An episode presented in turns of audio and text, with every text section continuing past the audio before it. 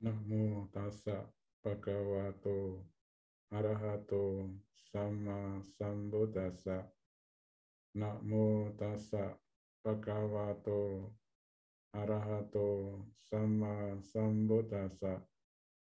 ナモタッサ、パカワト、アラハト、サンマサンボタッサ。タモハウェラカティ、タマチャリンティ。Dhamma akan melindungi mereka yang praktekannya.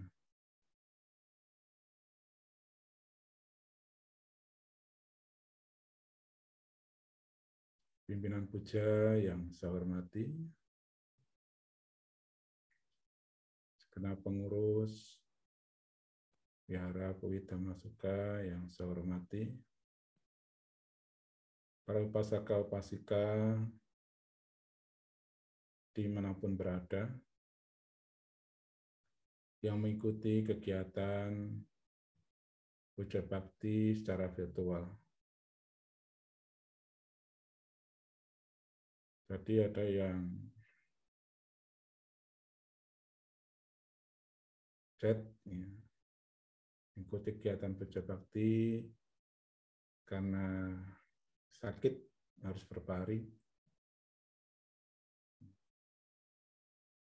Tidak mengapa, yang penting niat atau cetana yang begitu kuat. Semoga yang sakit segera sembuh sehingga bisa melakukan aktivitas puja dengan maksimal.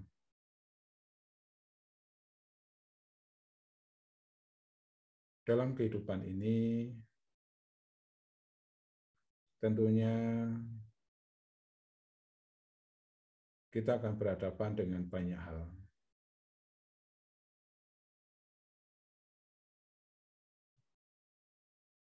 Seperti halnya roda.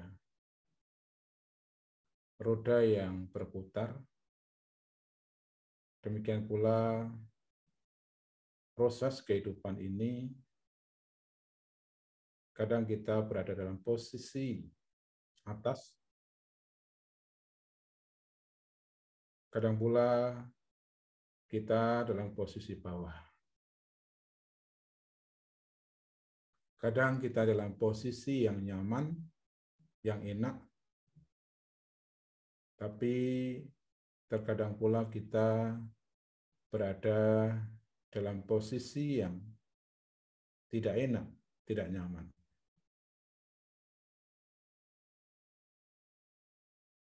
Tentunya semua orang berharap kehidupannya lebih baik. Perjalanan kehidupannya tidak ada kesulitan, tidak ada masalah, selalu dalam posisi yang enak, nyaman. Itulah harapan semua orang. Tidak ada yang berharap kehidupannya dalam posisi tidak nyaman, berada dalam kesulitan, berhadapan dengan masalah. Itu juga harapan semua orang. Akan tetapi, apa yang menjadi harapan kita kadangkala tidak sesuai dengan harapan tidak diundang, ia datang. Diundang, tidak datang. Itulah proses kehidupan. Proses kehidupan di mana kita semua akan berhadapan dengan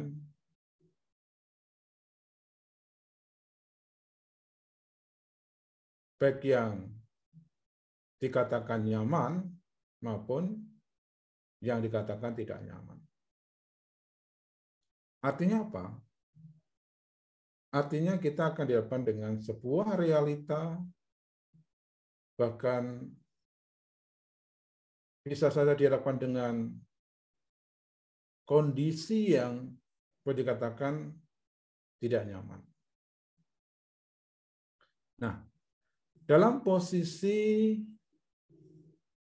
yang tidak nyaman itu, dalam posisi yang sulit itu,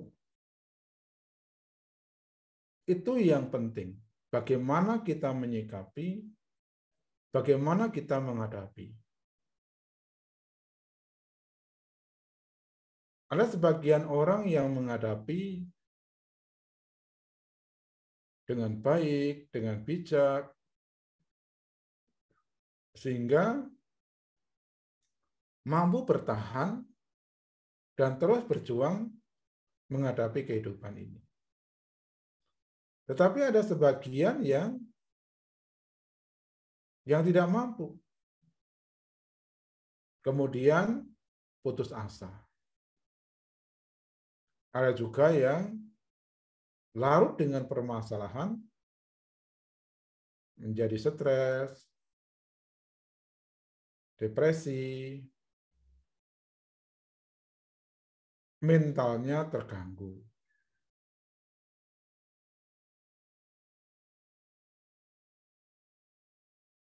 Apa yang harus kita lakukan supaya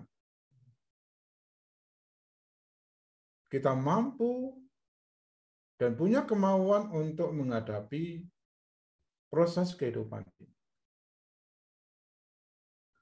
Ada orang yang bertanya, Bante, apa yang harus kita lakukan? Ya, apa yang harus kita lakukan? Kemudian ada pertanyaan, ke mana kita, pertanyaan yang lain, ke mana kita mencari perlindungan? Saat-saat kita berhadapan dengan kesulitan.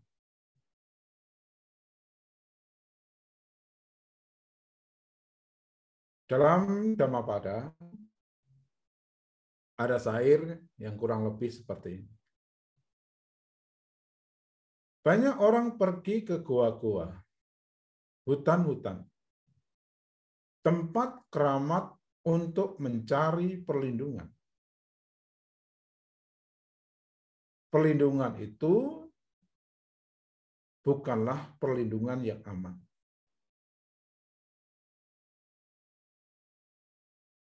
Ketika seseorang dihadapkan dengan kesulitan, kemudian tidak mampu menghadapi kesulitan, akhirnya mencari tempat agar terbebas dari kesulitan. Ke dalam pada tadi ada penggambaran orang-orang mencari perlindungan yang dianggapnya aman ke gua, ke hutan, ke tempat keramat. Mungkin mendapatkan perlindungan. Mungkin mendapatkan rasa aman, tetapi rasa aman yang sementara. Kemudahan yang sementara. Sesungguhnya para upasaka upasika di mana pun berada. Ketidakpercayaan diri menghadapi kehidupan inilah yang membuat kita kadang-kadang salah langkah. Mencari solusi yang tidak pas.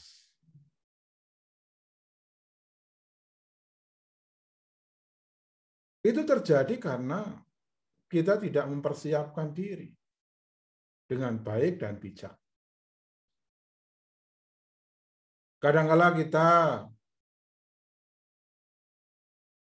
apa untuk mengisi batin kita, untuk memenuhi kebutuhan batin kita, sehingga terjadi ketidaksiapan itu.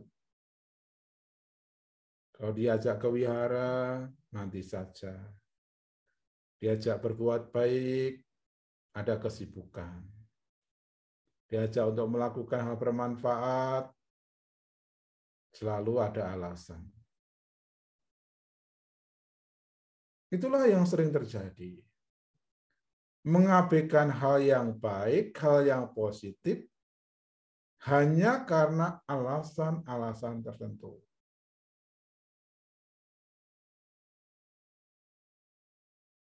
Hingga kemudian ketika terjadi sesuatu dalam kehidupannya, baru ingat akan kebutuhan batin. Ada ungkapan manusia itu kalau belum kena batunya, belum sadar. Kena batunya di sini artinya ketika dihadapkan dengan kesulitan, permasalahan kehidupan, baru menyadari akan kebutuhan batinnya. Kalau lagi ada masalah, baru ingat wihara. Kalau lagi sakit, baru ingat parita. Kalau ada persoalan yang bertubi-tubi, baru ingat akan dhamma. Itu sering terjadi dalam kehidupan kita. Dalam posisi nyaman, posisi enak, kita mengabaikan kebutuhan batin. Seolah-olah lupa, seolah-olah lupa bahwa kita punya kebutuhan yang hakiki, kebutuhan yang sangat-sangat pokok yang tidak dilupakan. Hanya saja karena tenggelam dengan zona nyaman, kita menjadi lupa diri. Nah, ketika ada kesulitan, baru kelabakan, baru gugup, baru panik, mencari-cari solusi, dan kadang-kadang menjadi salah arah. Kenapa? Ya karena sering kali melupakan hal yang sesungguhnya sangat dibutuhkan untuk batin kita. Kalau sudah salah arah, tadi pergi ke pergi ke gua-gua, pergi ke gunung-gunung, hutan-hutan keramat dan sebagainya untuk mencari penyelesaian yang instan. Hmm? Mencari penyelesaian yang instan. Dianggapnya tempat itu adalah perlindungan yang aman. Nah, dalam syair jelas bahwa itu bukanlah perlindungan yang aman. Bukanlah perlindungan yang aman. Nah, syair berikutnya, mereka yang pergi berlindung kepada Buddha, Dhamma, dan Sangha, sesungguhnya mereka berlindung di tempat aman. Ya, berlindung di tempat apa? Jadi kalau tadi ada pertanyaan, ke mana kita berlindung? Ya, perlindungan kita tidak tanah. Jadi waktu memperbarui sila, ada ada pernyataan Budang senang gajami, Damang senang gajami, Sanggang senang gajami, sampai ketiga kalinya. Pernyataan berlindung kepada Buddha, Dhamma, dan Sangha. Jadi berlindung kepada Buddha, Dhamma, dan Sangha adalah perlindungan yang tepat. Perlindungan yang utama. Tidak ada lagi, ya, ngati senang, ada lagi perlindungan lain bagiku, Buddha, Dhamma, dan Sanggalah pelindungku. Ya, itu ditegaskan dalam ya, pernyataan kebenaran. Jadi tiratana itulah yang menjadi tempat bernaung. Bukan goa, bukan hutan, bukan tempat-tempat yang keramat, tetapi tiratana. Buddha ratana, Dhamma ratana, dan Sangga ratana adalah perlindungan yang aman, perlindungan yang utama. Tiratana adalah inspirasi kehidupan. Tiratana adalah sumber dari perlindungan. Nah, pertanyaannya, bagaimana kita pelindung? Ada yang bertanya lagi, Bante, kalau kita ke wihara ada altar itu kan hanya patung, Buddha yang diam. Mana mungkin kita meminta memohon para upasaka-upasika di mana pun berada. Rupang-rupang yang ada di wihara, di altar, itu adalah simbol. Simbol apa? Simbol kebenaran. Simbol kebajikan. Simbol kesucian. Jadi yang kita lihat bukan sekedar fisik patungnya, ya. kita hormati, kita bersujud di hadapan altar. Tetapi yang tidak kalah penting adalah melihat kebenaran itu. Melihat kesucian itu. Jadi, kalau kita berlindung kepada Buddha, Dhamma, dan Sangha itu bukan sekedar ya, melihat fisik, ya, oh, patungnya kok bagus ya, altarnya kok bagus ya, Bukan sekedar melihat itu, tetapi melihat sifat-sifat yang ada dalam tiratana. Ada sembilan sifat Buddha, enam sifat Dhamma, dan enam sifat Sangha. Di mana sifat-sifat itu adalah sifat-sifat yang luar biasa, yang sangat agung, tak ternilai. Ya, dikatakan ratana tiga permata itu ya karena tak ternilai. Ya. Kalau gamulia, berlian, emas, perak, dan sebagainya itu kan masih ada nilainya. Tapi kalau ratana, ya, ratana itu tak ternilai. Begitu agungnya, begitu luar biasa yang bisa menjadi inspirasi dalam kehidupan kita. Jadi berlindung pada Buddha, Dhamma, dan Sekandar dan Sangga itu bukan sekedar identitas, bukan sekedar simbol-simbol semata. Tetapi bagaimana kita juga menghormat, ya, memberikan persembahan di altar, berupa bunga, berupa buah, pelita, tupa, dan sebagainya. Tetapi ada bentuk yang lain yang juga harus dilakukan. Ya, dalam Wakali Sutta ada kalimat Yo tamang pasati, so mang pasati. Intinya adalah kalau ingin melihat ya, Buddha ingin melihat hama, ingin melihat sangga. Jadi maksud melihat adalah melihat sifat-sifatnya itu, ya kita harus praktek dhamma. Ketika kita bisa praktek dhamma, maka di situlah kita akan mendapatkan perlindungan. Jadi perlindungan itu bukan sekedar ketika kita ada pengakuan saya umat Buddha, bukan sekedar pengakuan semata. Atau mungkin ini Leontin Buddha, besar lagi, ya, gelang, dan pernak-pernik yang lainnya. Itu identitas luar. Ya, identitas luar. Identitas luar itu hanya sekedar ya kulit, Belum sampai pada bagaimana kita menembus dhamma dengan belajar dan praktek dhamma.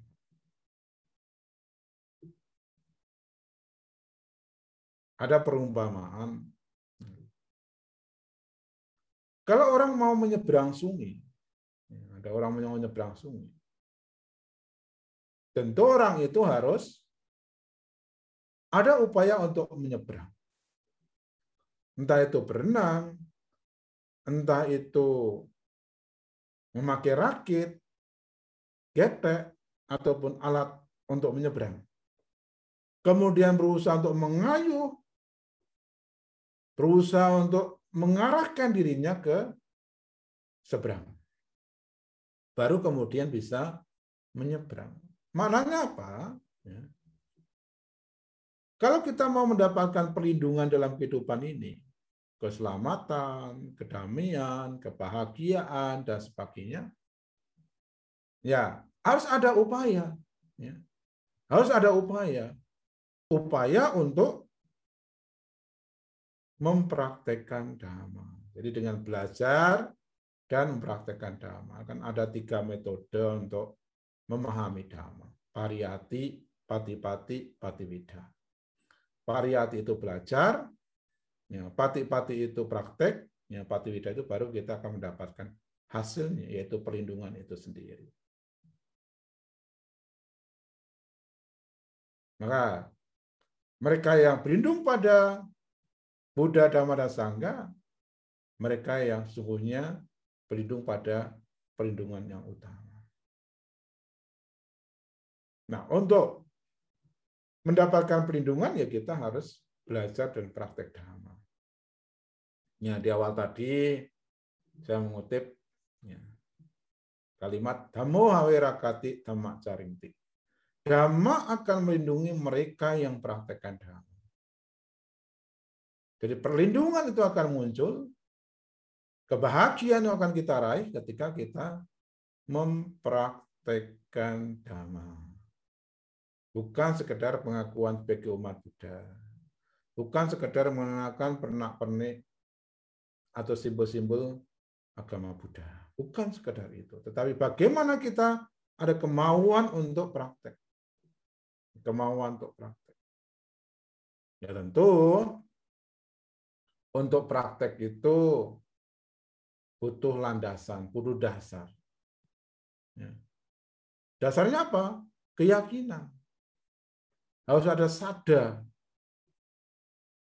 Sada itu adalah pondasi, keyakinan adalah pondasi di mana kita tidak ragu lagi untuk mempraktekkan dhamma. Nah, ketika kita mempraktekkan dhamma, justru keyakinan kita semakin menguat, menguat, menguat, menguat.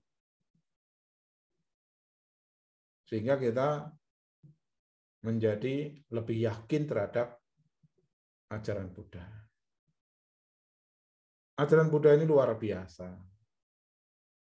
Walaupun ditemukan ribuan tahun yang lalu, masih relevan.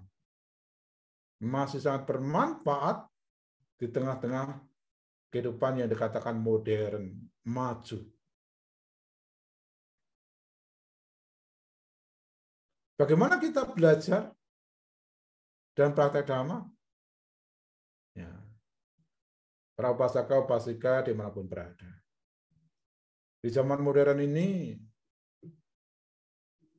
bahkan di tengah-tengah pandemi ini, justru kita mudah sekali untuk mendengarkan dhamma, diskusi dhamma, lewat YouTube, lewat Zoom, lewat Facebook, dan sebagainya. Nah, apa yang sudah kita ketahui, baik dari mendengar, diskusi, membaca, dan sebagainya itu, bukan sekedar wacana atau retorika, tetapi bagaimana kita mempraktekannya dalam kehidupan sehari-hari.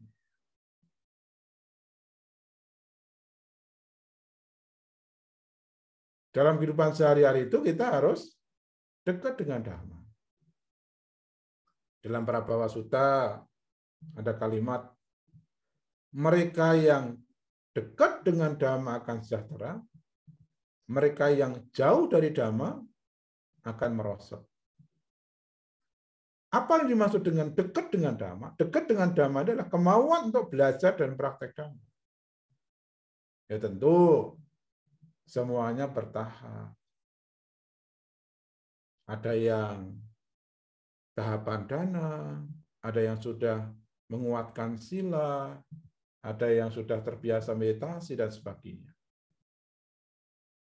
Nah, praktek dhamma itulah yang akan membawa pada perubahan besar dalam kehidupan kita. Ketika kita berdana, mengembangkan kerelaan, lakukan dengan keyakinan, lakukan dengan kesungguhan, lakukan dengan ketulusan. Sila Yang dipraktekkan dalam kehidupan sehari-hari itu harus dilatih. Wah, tidak mudah Bante melatih sila, banyak hal yang menghambat dan sebagainya. Memang tidak mudah, tetapi bukan berarti kemudian kita pasrah, kalah. Ya. Harus latihan terus, latihan terus, latihan terus. Demikian pula meditasi. Ya, kali saya bertanya pada umat-umat bagaimana dengan meditasi dipraktekkan atau tidak. Rata-rata sebagian menjawab ya meditasinya hanya kalau ke wihara. Kalau masih pandemi begini ya meditasinya lewat Zoom. Setelah itu ya tidak. Jadi damai itu seharusnya harus dipraktekkan terus menerus. Ya. Bukan Bukan sekedar sekali dua kali misalnya, oh, Bante saya sudah berdana kok, udah praktek kok. Mengembangkan kerelaan itu bukan hanya sekali dua kali, tapi terus menerus. Kan dikatakan, ketika kita melakukan kebaikan, hendaknya dengan sukacita, dengan kegembiraan, dan kemudian mengulang-ulang lagi kebasikan perbuatan baik itu. Jadi bukan sekali dua kali kemudian kita bisa langsung mencapai kesucian kehidupan kita langsung berubah total. Tidak. Semua harus diulang-ulang, dibiasakan dalam kehidupan kita. Ada satu cerita, ada satu kisah. Ketika ya, saya berada di tempat wasa, ada pindah patah. Ada satu umat yang mau berbuat baik, tapi hanya memiliki makanan yang sederhana dia tanya dengan nah, temannya, saya hanya punya makanan sederhana ini, apakah bandenya mau? Nah, kemudian dijawab oleh teman apa temannya tadi, oh silahkan aja, itu juga perbuatan baik. Ya. Nah, kisah itu sesungguhnya menjadi inspirasi buat kita bahwa ketika kita berbuat baik ya, misalnya berdana tadi ya, nah, Ketika kita berdana ya semampu kita. Yang penting kita niatkan dengan dengan kuat ketika kita berbuat baik. Seperti si ibu yang merasa punya makanan yang sederhana, yang awalnya ragu, apakah bantinya suka atau tidak, saya kemudian ditegaskan kembali oleh temannya, berbuat baik, lakukan saja. Nanti akan diterima. Akan masuk ke bulnya Bante, patahnya Bante. Nah, akhirnya ya orang itu bisa berbuat baik dan kemudian mengulang lagi perbuatan baiknya. Karena tidak ragu lagi. Ya, setelah kemarin di diskusi dengan temannya, kemudian bantainya juga menerima, ya, dia dengan sukacita, dengan gembira, kemudian mengulang lagi perbuatan baiknya. Demikian pula sila. Sila itu bukan beban. Sila itu adalah latihan. Sila itu adalah praktek. Kalau kemudian hari ini kita belum bisa, besok lusa. Terus menerus. Yang penting apa? Ada kemauan untuk praktek. Itu yang penting. Demikian pula meditasi. Ada yang pernah ya, bincang-bincang dengan saya, Pak Banti, saya belum bisa duduk lama. Ya, saya hanya bisa duduk sebentar. Saya bilang, dari yang sebentar itu kalau dilakukan, diulang-ulang terus-menerus, ya lebih baik daripada satu jam tapi setahun sekali. Yang penting apa? Kita melakukan di tahapan yang dasar, tahapan yang mungkin dikatakan boleh dikatakan sederhana, tapi kemudian kita sanggup mengulang lagi, mengulang lagi, mengulang lagi, maka kita akan mencapai tahapan yang berikutnya. Jadi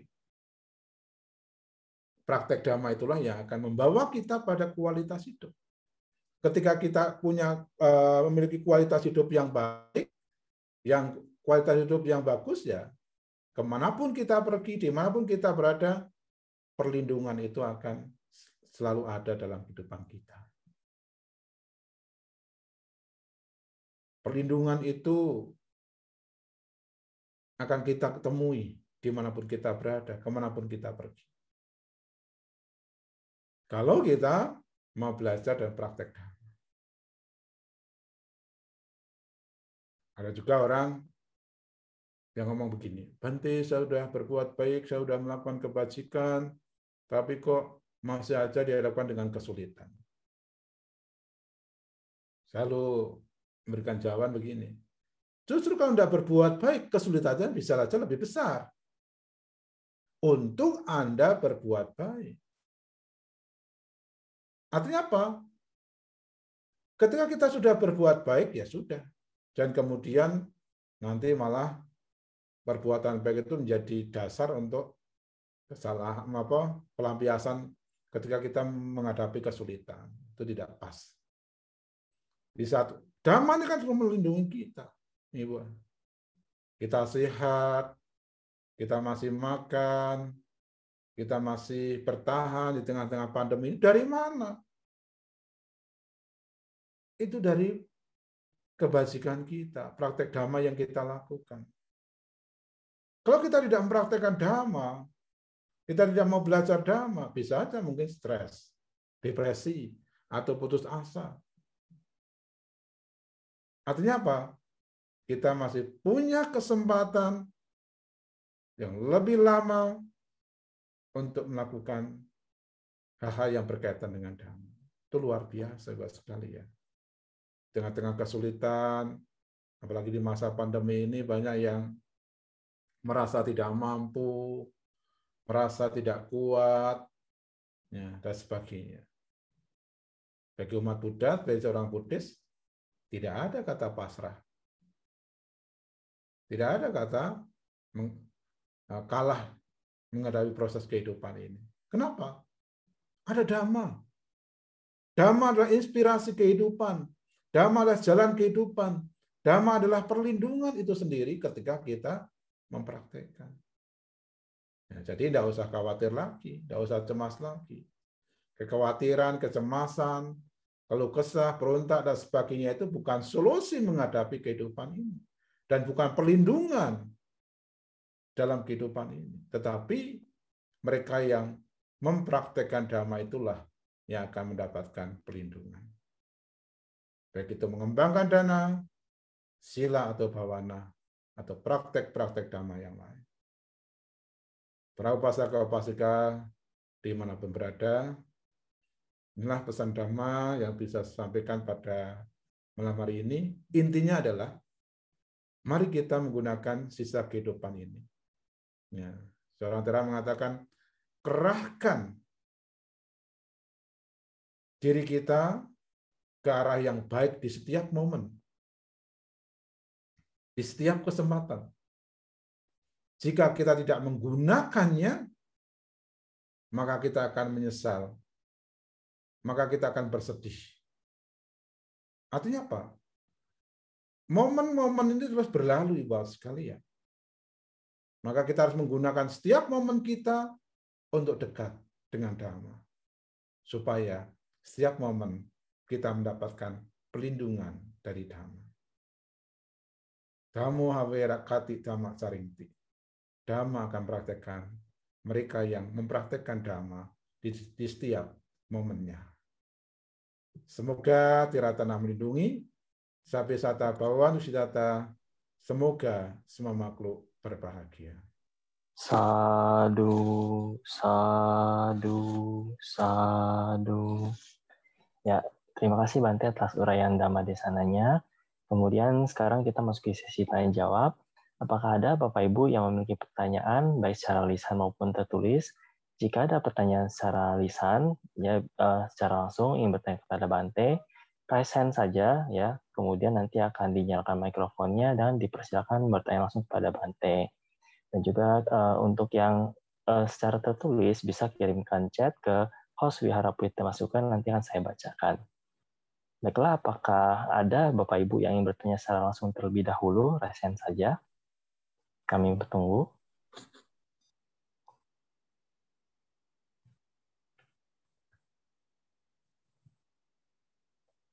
Baiklah, Bante, sambil menunggu pertanyaan yang lainnya, ada pertanyaan tulis yang sudah masuk. Saya bacakan ya, Bante. Selamat malam, Wandami Bante. Izin bertanya, bagaimana caranya agar dapat mengenalkan dhamma dan praktek dhamma untuk orang yang lebih tua, misalnya orang tua kita. karena terkadang mereka enggan mendengarkan orang yang lebih muda atau anak-anaknya. Terima kasih Bante Anumodana. Ya. Uh, sebenarnya bukan karena mereka tidak mau mendengar kata-kata dari mereka yang lebih muda. Hanya saja butuh pendekatan dan penyampaian yang pas. Seperti kisah yang nyata yang tadi saya utarakan, itu bertanya kepada anak muda.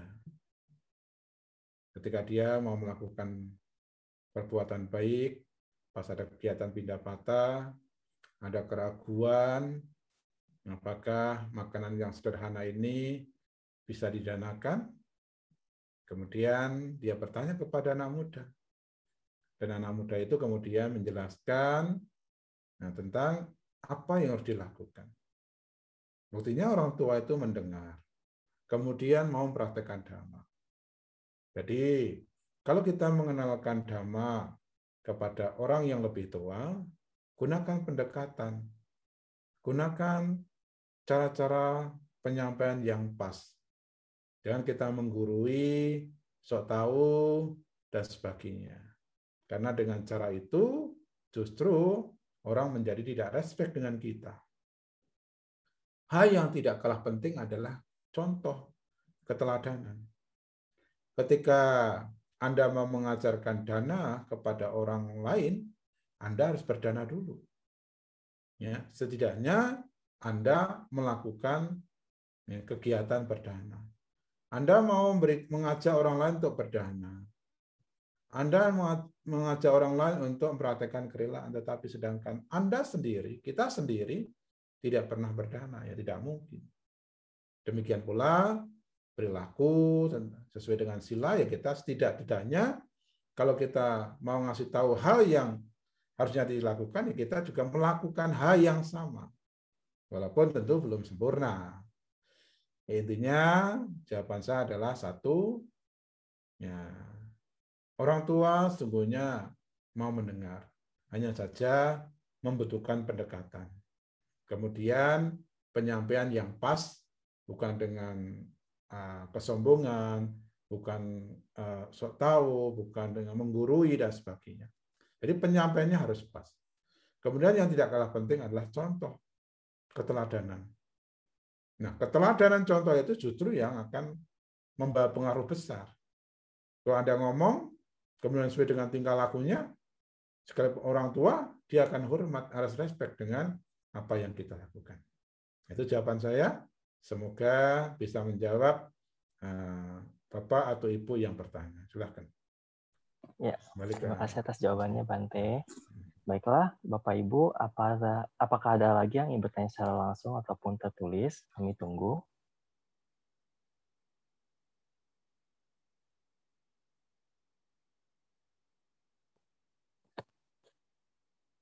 Bante, boleh saya izin bertanya, Bante? Iya, silakan. Ya, nah, Wandami Bante. Uh, jadi begini, Bante. Um, ketika praktek berdana ya, Bante ya. Jadi kan pada dasarnya itu adalah sebagai Eh, praktek kerelaan, yakni untuk mengikis kilesa kita atau kekotoran batin kita. Namun ada beberapa yang eh, berdana tapi memiliki tujuan maksud dari dia berdana itu misalkan berdana semoga eh, terbuka rezekinya begitu. Nah, ataupun ya hal-hal lain yang ibaratnya ada motivasi di balik perbuatan baiknya tersebut Bante. Apakah perbuatan tersebut masih dapat dikategorikan dengan perbuatan baik ketika memiliki sebuah niat yang tersembunyi, Bante. Dan apakah itu termasuk sebuah pandangan salah, Bante? Mohon penjelasannya, Bante. Terima kasih. Satu nama budaya. Ya. Tujuan utama mengembangkan dana atau kerelaan adalah mengubah sikap-sikap buruk yang ada dalam diri kita. Sifat kikir, melekat, dan sebagainya. Nah, ketika kita berdana ada motivasi-motivasi ya supaya bahagia, supaya hidupnya lebih mudah dan sebagainya, itu adalah hal yang wajar.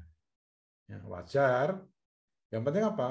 Yang penting kita tidak uh, tidak diiringi dengan keserakahan, kebencian ataupun kebodohan batin.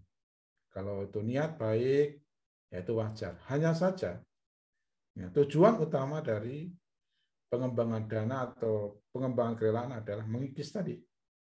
Mengikis sifat pikir, mengikis kemelekatan. Sesungguhnya tanpa kita ya semoga saya bahagia, semoga pintu saya, pintu rezeki saya terbuka dan sebagainya. Yang namanya berbuat baik kan ya kalau kalau ditinjau dari hukum karma kan sebab akibat.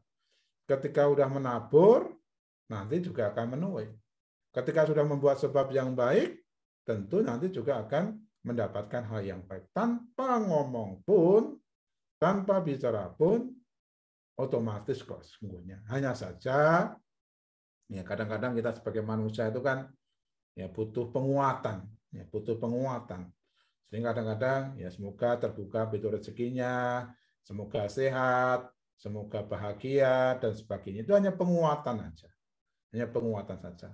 Tetapi harus diarahkan juga bahwa ya, tujuan dari kerelaan pengembangan kerelaan itu adalah uh, mengikis sifat kikir, ya, mengikis kemelekatan yang ada, yang yang ada dalam diri kita. Yang penting motivasinya bukan motivasi yang didorong oleh keserakahan, kebencian, dan kebodohan batin. Begitu jawaban saya. Ya, terima kasih atas jawabannya Bante. Biasa. Baiklah, kepada Bapak Ibu, kesempatan terakhir, apakah ada yang ingin bertanya baik secara lisan maupun tertulis?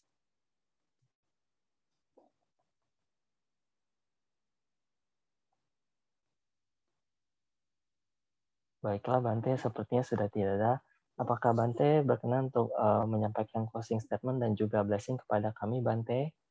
Oke.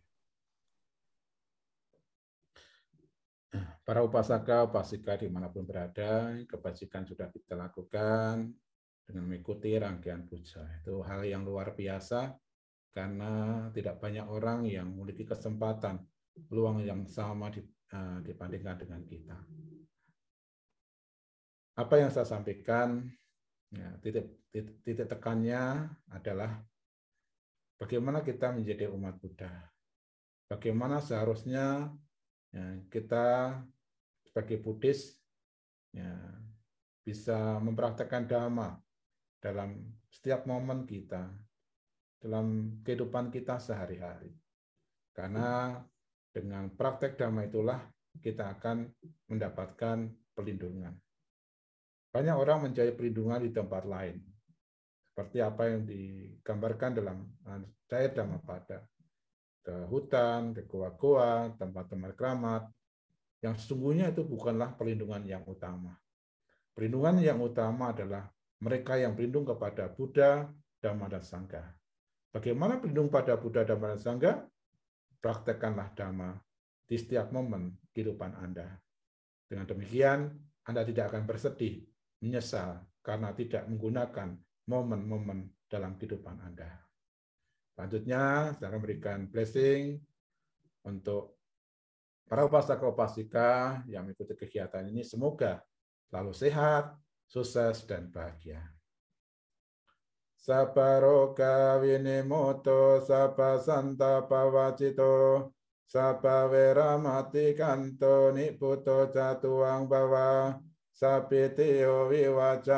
Saparoka vinasato mate pavatwantarayo sukiti kayuko pava apivadana silisa nicang udapacaino cataro tamavadanti ayuwano sukang balang tatalada sukita wiruha buddha sasane aroga sukita hota saha sape nyatipi bawatu sapa manggalang rakanto sapa dewata.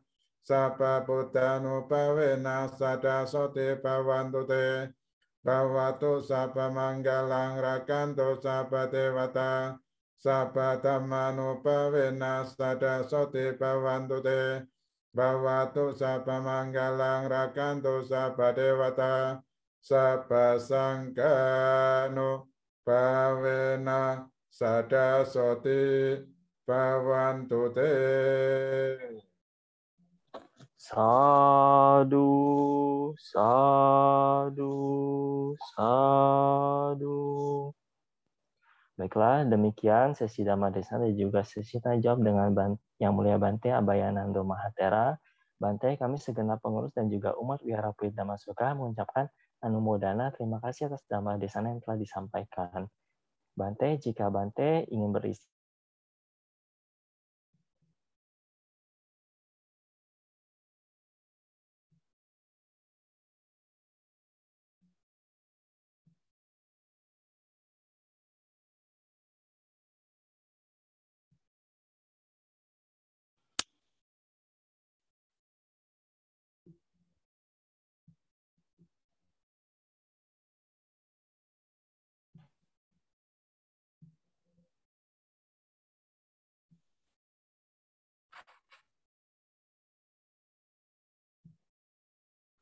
Ya, eh, Bante, jika Bante ingin beristirahat, kami izinkan untuk uh, live Zoom meeting Bante. Oke, terima kasih. Semoga ya, terima kasih Bante, Anu Bonana. Ya, sadu, sadu, sadu.